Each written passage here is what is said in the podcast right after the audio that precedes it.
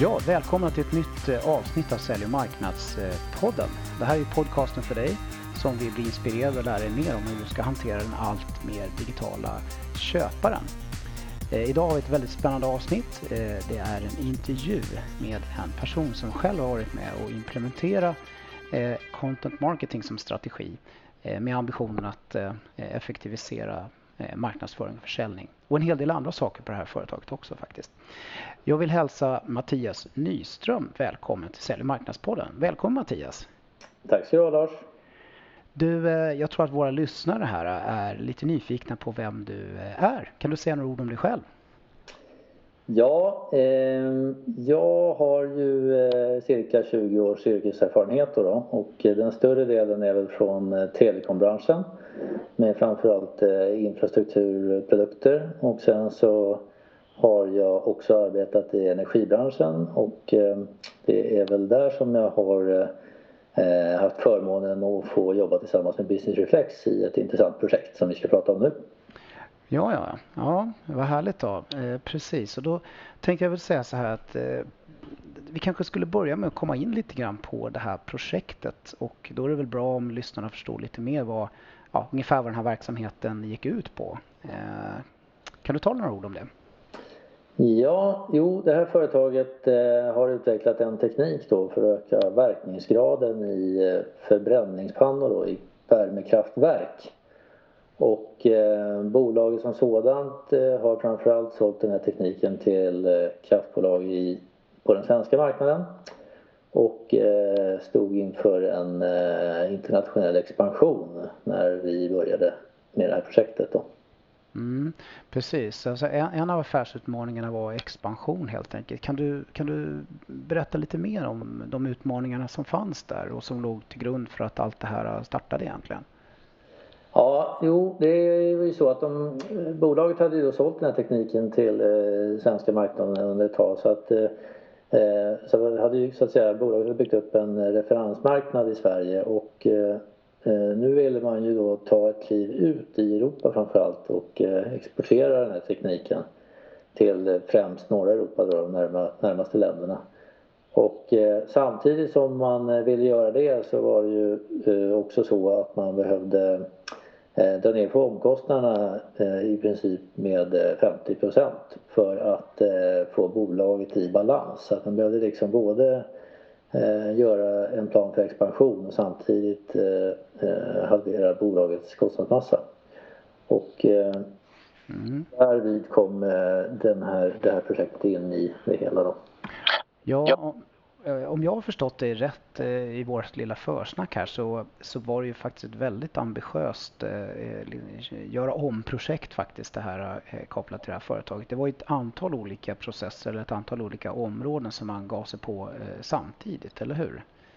Det stämmer bra. Vi satte ihop ett program egentligen som berörde alla delar då av bolaget och den första eh, delen som vi gick igenom och la en strategi för då, det var marknadsprocessen när vi valde att implementera en digital marknadsprocess då tillsammans med eh, Business Reflex som coachade oss i det här jobbet. Eh, vidare så eh, såg vi också över försäljningsprocessen och eh, gjorde effektiviseringar där på hur vi eh, arbetade med offerter och säljarbete och aktivt säljarbete. Eh, och vi, eh, i, och med att vi gjorde det här så hade vi ju då, fick vi nya möjligheter att utöka produktportföljen, så att säga, bredda produktportföljen så vi kunde adressera eh, nya kundsegment och nya egentligen applikationer hos, hos befintliga kunder. Och då i och med att vi har, hade då effektiviserat vår marknadsprocess så kunde vi få ut de här nya produkterbjudandena på ett väldigt effektivt och enkelt sätt och framförallt billigt. Eh, och eh, det sista som vi också fick eh, gå igenom och lägga upp en ny process för var våra leveranser. Då. Vi levererar ju både produkter och tillhörande tjänster, installation av de här produkterna. Så vi jobbade om även det. Så det var egentligen allt som vi gjorde, den här omstruktureringen då, för det här bolaget. Mm. Precis, och, och, alla de här grejerna eh, hänger ihop på olika sätt. Det tror jag många av lyssnarna förstår. Och jag tror att du kommer komma tillbaka lite till det längre fram i det här eh, poddavsnittet. Men, men om vi skulle börja med den här eh, digitala marknadsstrategin Eh, eh och och själva införandet av den. Vad, vad var det för huvudkomponenter som gjordes helt enkelt? Vad var det för steg egentligen ni gick igenom för att få det här på plats? För det fick ni ju faktiskt. Ja, eh, jag ska ta lite om stegen här då, men jag kan berätta att det här bolaget hade en väldigt traditionell marknadsföringsprocess vilket egentligen betydde att det var säljare som eh, jobbade med webbresearch och sen gjorde cold calls och sen eh, försökte få till så många fysiska möten som möjligt. Eh, och eh, ja, och tyvärr så lever vi ju i en, eller jag ska säga tyvärr, men vi lever ju i en, i en marknad eh, där säljare som ringer och tjatar kanske eh, till slut blir lite jobbigt. Och eh, man vill helst egentligen söka sin information själv på nätet och, och lära sig mer via vad som finns på nätet innan man, får en, innan man tar kontakt helt enkelt. Och, och då så var det ju så här att eh, Business Reflex eh, kom ju så att säga med den här idén till oss men där vi hade de ju även med sig en undersökning då från eh, Google som visar på att 70 eh, av, sälj, av köpprocessen hos en eh, business to business köpare vill man själv hantera på nätet och den information som, som man kan få på nätet så att säga innan man tar kontakt. Och 70% är ju en ansenlig del eh, tid som vi lägger ner så att säga. Motsvarar väldigt mycket tid för våra säljare att lägga ner på i marknadsprocessen. Så, att, så det var liksom startskottet för det hela. Så då vill man liksom vända på det hela att Eh, och få ut, eh, få ut sin information eh, som man har via e-mailutskick som är väldigt enkla till sin natur och egentligen bara ska attrahera ett intresse. De, de som är i ett köpläge eh, ska ju bli intresserade av det här eh, e-mail som man får kring den här tekniken då för, för eh, i det här fallet för de här kraftvärmebolagen. Då. Så att, eh, Exakt. Det som, är, det som är, vad ska man säga, utmaningen då i det här eh, och de här stegen som man gör när man gör det här. Man lägger ju en contentstrategi för vad man vill ha på nätet. Och mm. Eh, den strategin, ska, den strategin och då, det innehållet som man vill ha på nätet ska ju vara det som en köpare vill ta till sig via nätet i den köpprocess som han befinner sig eh, och i de olika steg som han befinner sig Så att utmaningen här är att strukturera all den kunskap och information man har och dokumentera det på ett sådant sätt på sin hemsida så att det följer en tänkt köpares köpprocess. På så sätt vallar man liksom in kunden mer och mer i att han får den här tekniska kunskapen och ekonomiska kunskapen som man vill ha för att kunna ta nästa steg. Och i slutet på den här processen ska det vara så att han enkelt kan ta kontakt med oss om han vill ha kontakt eller att vi kontaktar honom om vi ser att han är väldigt intresserad. Precis, det är intressant det här du tar upp här då, därför att vi har gjort andra avsnitt här i eh, Sälj och marknadspodden som handlar om det här och eh, vi, vi pratar ju om det då i formen av det som kallas för en content-strategi. Så det var där ni började helt enkelt, att ni, eh, ni gjorde undersökningar på er marknad och era köpare, hur de såg på sin köpresa och det content som behövdes för att kunna stötta det så att säga digitalt. Ja, så det vi tog fram rent konkret var ju eh, affärs, eh, vad ska man säga, eh, ekonomisk teknisk information i form av business case.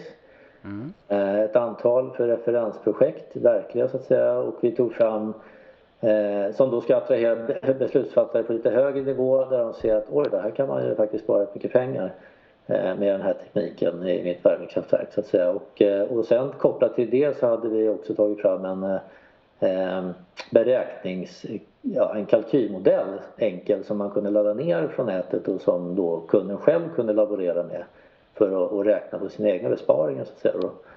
Eh, och, eh, och, och, efter det i nästa så att säga fas som kunden hamnar blir så här, ja, men hur funkar det här då? Och, och hur funkar det här relativt eh, konventionella tekniker så att säga?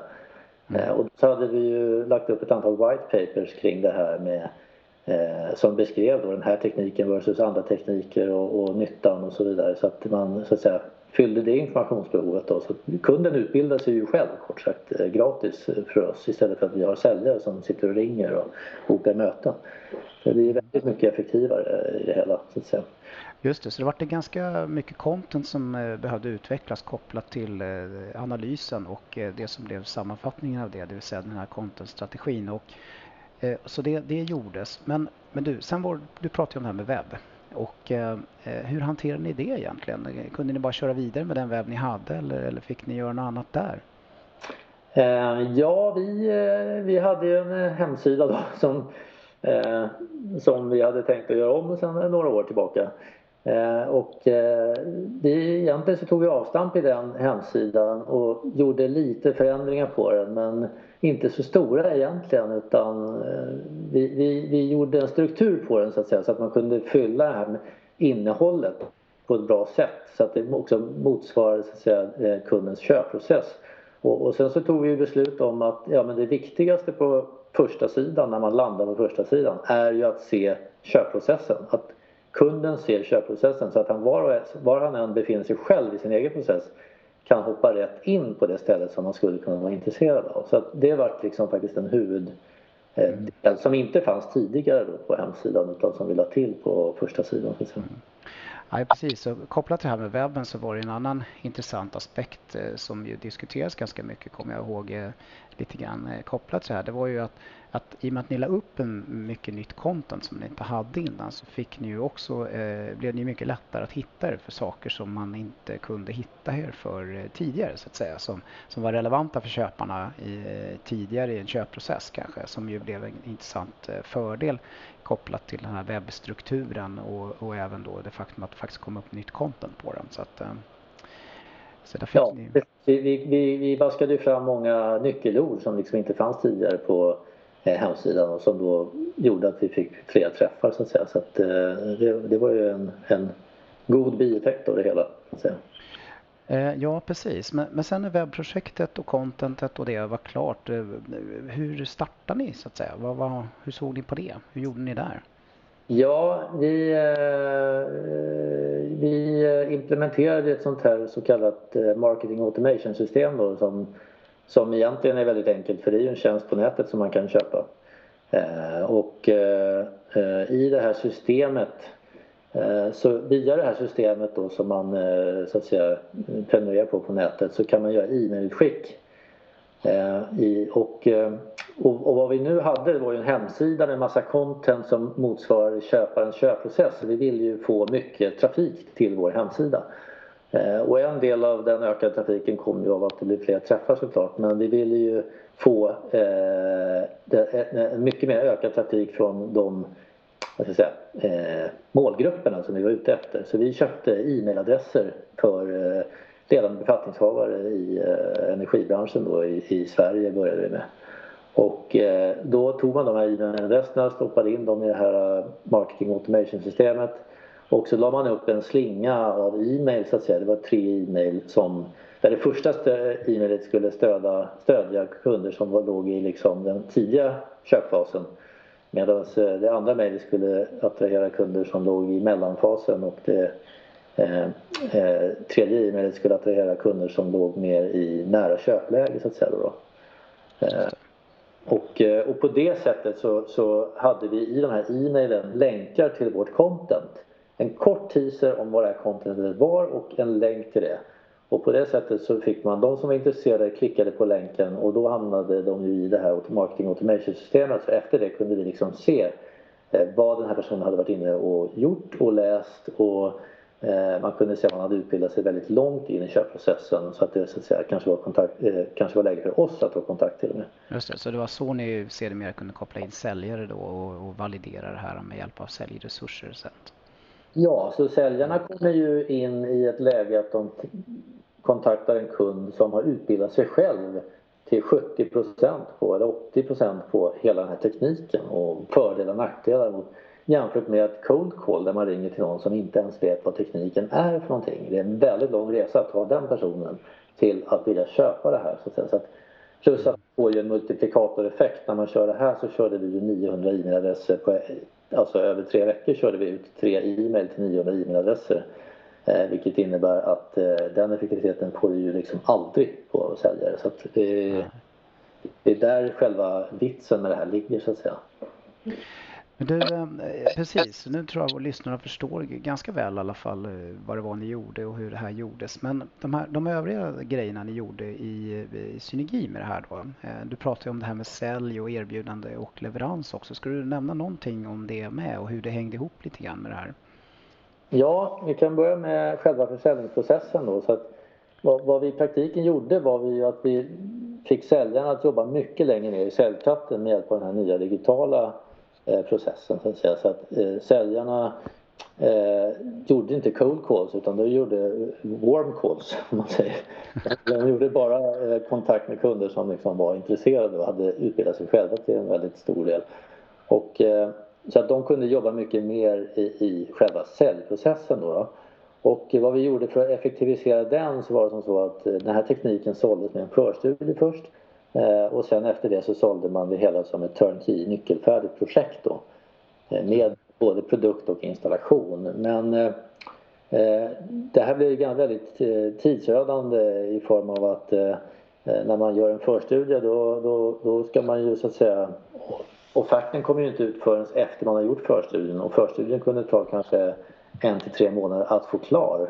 Man måste komma över till kunden, man måste göra detaljerade beräkningar och allt möjligt sånt. Så att man måste göra väldigt mycket detaljerat jobb och resurskrävande jobb. Så, att, eh, ja, så det resulterade i att man har en ganska lång säljcykel då. Mm. Så vad vi gjorde här på försäljningsprocessen var ju att vi flyttade alla de här detaljerade beräkningarna och så till, eh, till efter att man hade fått order.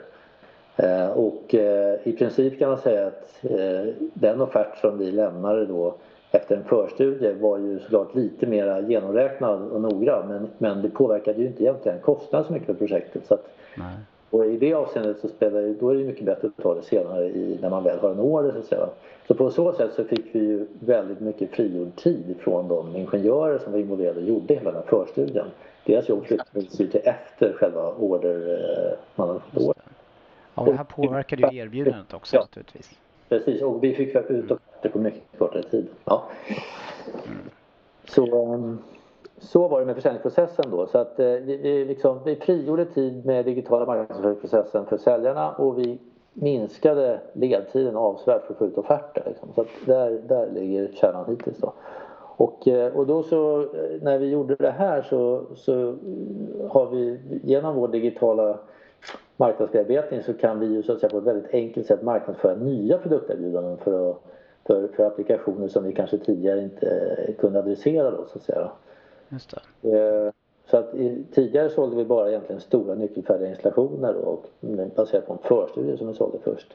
Men nu eh, gjorde vi så här att vi förenklade produkten, den här tekniken och produkten så att för mindre installationer Eh, så kunde man köpa den här produkten och installera den själv. Och det marknadsförde vi då eh, digitalt via våra e-mailutskick och så vidare. Så då kunde man komma åt eh, möjligheten att sälja in den här tekniken för små förbränningspannor hos, en, hos ett kraftvärmeverk som har flera pannor. Då. Och därmed få in tekniken och mycket lättare att sälja in de stora i ett senare skede. Plus att man kunde då få in såklart försäljning också på sådana här små pannor finns det väldigt, väldigt många fler än stora pannor i, i Sverige. Just det. Just det. Och därtill så, kunde så, så ville vi ju minska tröskeln för en kund att prova tekniken. Det är ju en ny teknik för kunderna så att säga. De har ju inte det här sedan tidigare. Så att vi tog fram ett hyreserbjudande som gick ut på att det var lätt att hyra, lätt att eh, köpa loss när som helst och efter ett år kunde man avbryta det eh, om man ville eller därefter så att säga, när som helst. Eh, och det här marknadsförde vi då också genom den här digitala marknadsföringsprocessen på ett väldigt eh, effektivt sätt. Då. Just det. Ja, du var inne på att det påverkar leveransprocessen också lite grann eh, eh, redan tidigare här. Men du kanske kan nämna någonting om det också? Ja, så att vi, vi gick ju igenom leveransprocessen och vi hade ju en hel del fasta kostnader då som vi behövde göra om till rörliga egentligen. Så att vi, vi ville liksom inte ha kostnader förrän vi fick order egentligen. Så det var ju en del av det här att minska omkostnadsmassan, en ytterligare en del för att minska omkostnadsmassan. Så att eh, Eh, vi, eh, vi gick egentligen från att ha en leverantörsbas av svenska eh, komponenter och en egen tillverkning, en egen fabrik så säga, till att outsourca fabriken och använda mer internationella leverantörer av komponenter.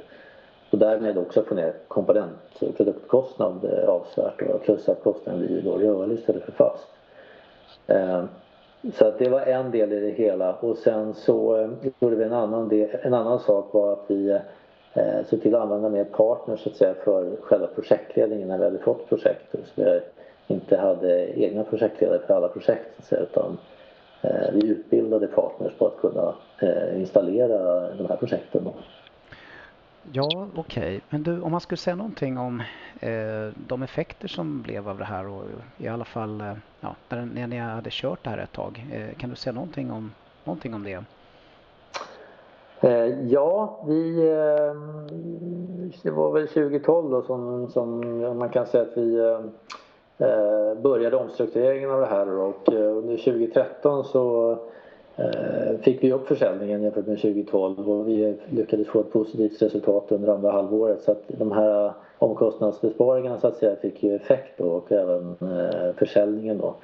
Och eh, om man ska ta lite mer detaljer kring eh, eh marknadskampanjen här då som vi körde i Sverige så hade vi ungefär 900 mejladresser. Vi fick 70 öppnade e-mail. 20% besökte hemsidan och de laddade 12% ner dokument då. Och 12% av 900 är ju en skaplig mängd eh, kunder. Det är ju 90 stycken. Jag menar, de adresserar vi ju inte på, på tre veckor med säljare som sitter och ringer så att säga. Då behöver man ganska många. Nej.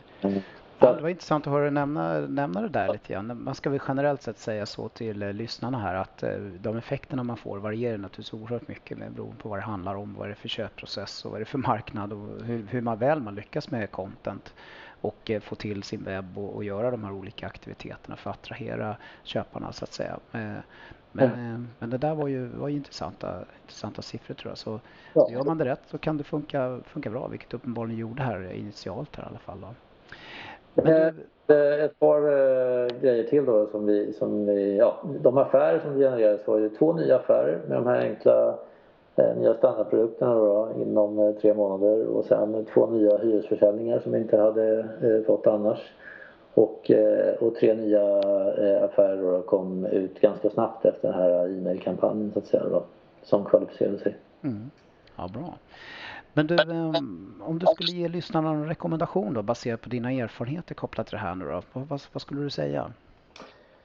Ja, jag skulle säga det att, eh, att införa en sån här contentstrategi och, en, eh, och sen så ett automa sån marknadsföringssystem då eh, gör ju att man får en, en helt ny möjlighet att eh, strukturera om försäljningsprocess och Eh, även eh, produktportfölj eller tjänsteportfölj och sen hur man levererar det här. Så att, eh, jag, jag skulle säga så här, det här, ett sånt här projekt bör ju vara eh, prioriterat och eh, VD bör vara involverad för det påverkar faktiskt hela verksamheten om man eh, nyttjar det maximalt så att säga. Då. Och, så det är, väl, det är väl egentligen den viktigaste takeawayen att det är liksom inte ett isolerat marknadsprojekt det här utan det, det kan påverka, bör påverka och effektivisera hela verksamheten om man tar det fullt ut. Mm. Eh, sen så är det ju jätteviktigt att involvera och motivera experterna från början.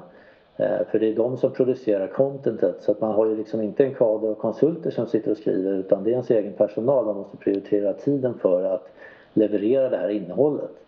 Men när man väl har levererat det här innehållet så är det ju en enorm eh, kunskaps, eh, kunskap så att säga, som man har eh, helt plötsligt marknadsför mot hela världen genom webben. Så att det är ju ett otroligt bra sätt att, att få ut sitt budskap och sin kunskap och få den etablerad så att säga. Då. Ja, det, det, jag håller verkligen med dig om det här med att få med de verkliga experterna i projektet och få dem eh, motiverade och förstå varför de ska göra det här och det här hänger ihop strategiskt för bolaget och, och sånt eh, och att de nu faktiskt var med och bidrar till att eh, generera affärer som de kanske inte är med och bidrar i lika tydligt kanske i normala fall. Mm. Eh, du Mattias, eh, du ska ha ett jättestort tack för att du tog dig tid att vara med på Sälj och marknadspodden och dela dina erfarenheter. Eh, det är ju inte så väldigt många svenska B2B-företag ännu som har hunnit köra igenom sådana här projekt. Eh, du har ju faktiskt varit med om det och det är ju en intressant erfarenhet du har där. Ehm, du, vill du säga någonting om hur lyssnare ska kunna hitta dig om de vill komma i kontakt, komma i kontakt med dig förresten? Eh, ja, det går ju att söka på eh, mitt konsultbolags namn då, som heter Mastikon och det är M-A-S-T-I-C-O-N. Och eh, det finns ju, ska jag säga så här, jag har ju eh, ingen hemsida utan man hittar mig nog bäst på LinkedIn i det läget då. Om man vill se lite vad jag har för bakgrund och så vidare. Och eh, eh ja, nej men det är väl så. Eh, eller via Business Reflex såklart. Det är ju ja, ja. Precis, vi har kontaktuppgifterna till dig helt enkelt. Vi kommer skriva in det här också i eh, den bloggpost som kommer gå ut i samband med att eh, det här poddavsnittet blir eh, publicerat. Så hittar ni poddavsnittet via iTunes så kan ni gå in på businessreflex.se bloggen så kommer ni kunna hitta lite mer faktainformation om Mattias där. Du Mattias, ett jättestort tack och lycka till framöver med dina projekt. Ja, tack ska du ha Lars. Jag får tacka så mycket för att jag blev inbjuden till att hålla den här podden. Tack. Hej då. Hej. Du har lyssnat på Sälj marknadspodden avsnitt 13 och som vanligt så kan du alltid hitta mer information om det vi pratar om på vår webbsajt www.businessreflex.se Vi såg till vår stora förtjusning att vi hade hamnat på New and Noteworthy på iTunes Eh, men inte så högt upp på listan. Jag tror att det fattas en del reviews. Så om ni kunde vara jättesnälla och gå in på iTunes och lägga en review där och säga vad ni tycker om Marknadspodden. Så kanske den kommer ännu högre på listan. Förutsatt att ni tycker att det är bra förstås. Ha det så bra och glöm inte att vara relevanta.